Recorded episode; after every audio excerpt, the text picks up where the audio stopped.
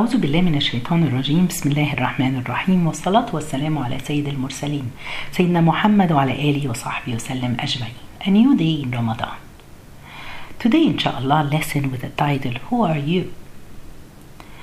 One day a businesswoman she was traveling to India and she went and she visited a factory and she while she was passing in the factory she saw one of the worker at one of the corners he was singing and smiling have a nice smile on his face.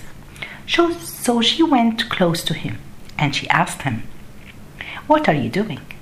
She found that he was collecting some of the nails and put them in boxes like other people beside him. But what uh, attracted her to him that the nice smile and the singing and the mood he was in so she went and she asked him, What are you doing, sir? He told her, I'm making airport airplanes. She was surprised for the answer. She told him, Airplanes? Yes, ma'am. This is an order. I'm making the nails, the small nails that will be used for this order to build airplanes. He told her that the aeroplanes that you travel and you came to visit us with, it, you couldn't be an aeroplane at the end without using those small nails. So the lady was surprised, and I was surprised for this answer. And my question here there must be an, a, a reason or something inside the heart of this person so he can answer something like this. He said, So I started to think about it. I saw that, you know what?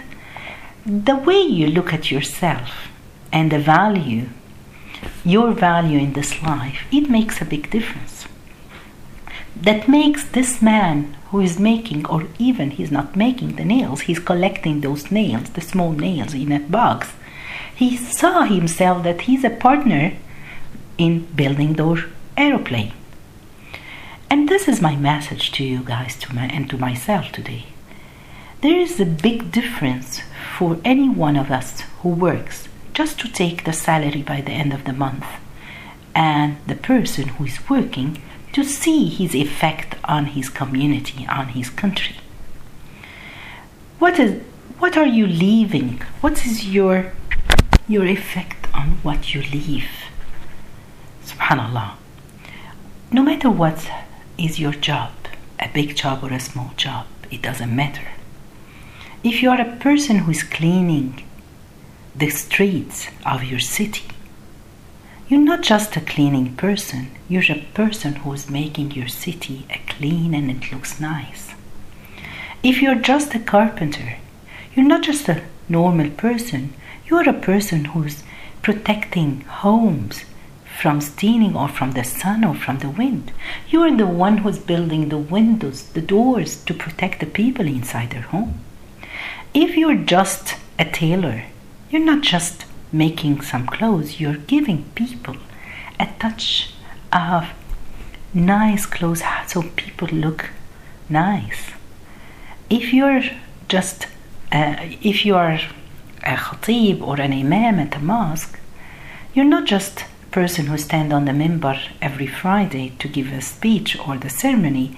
You're a person that guiding people to the way of Allah subhanahu wa ta'ala. If you are a teacher you, of young children, you're a teacher who's creating new generation.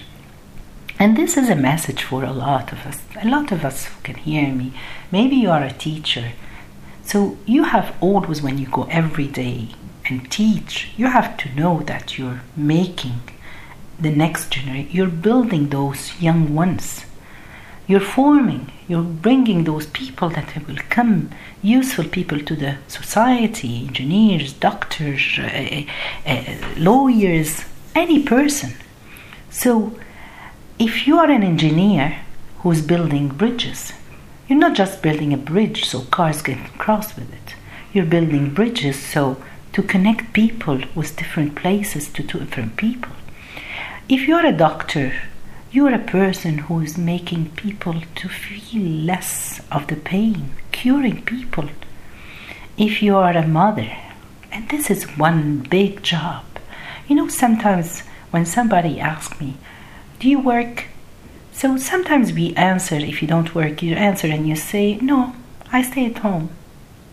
Subhanallah, this is one of the biggest, and you say it in a way that as if you're not doing anything. No, this is one of the biggest job in life that Allah subhanahu wa ta'ala had given for women.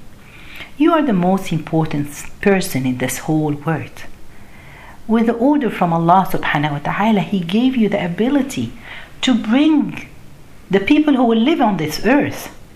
You are the first person who train and teach the generations that are coming, which are human beings, your kids. And this is my message to all the mothers and wives. You are the source of happiness at your home. If you're not feeling happy, it will affect your whole family. If you're happy, it will affect you're the source of happiness at your home. I'm asking all the mother, you have to take care of yourself and you have to know that you're doing a great job. There is an example of the mother of one of the uh, scientists, his name Ahmed Zewail. When he was young, he used to say that he had, he, the mom, she had a paper putting, hanging on, the, on his door saying Dr. Zewail. And since when he was, that was his hope when he was young.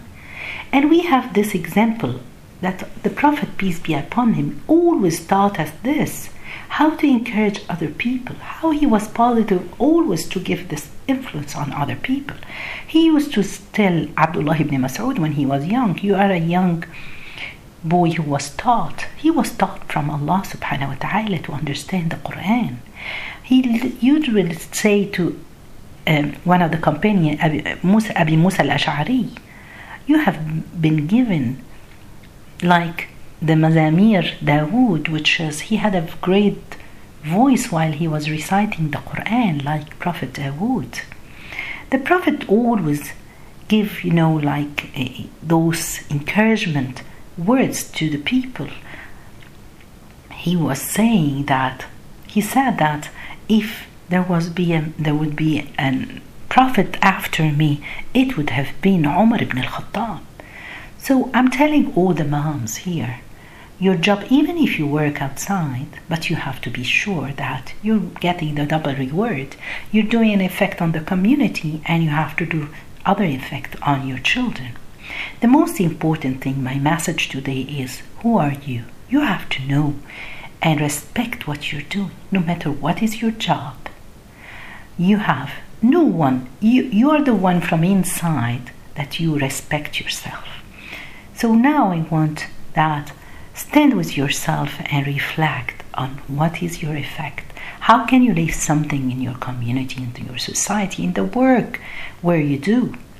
May Allah subhanahu wa ta'ala make us those people who help other people in their society, will have an effect on other people or an influence on other people. جزاكم الله خير سبحانك اللهم بحمدك أشهد أن لا إله إلا أنت استغفرك وأتوب إليك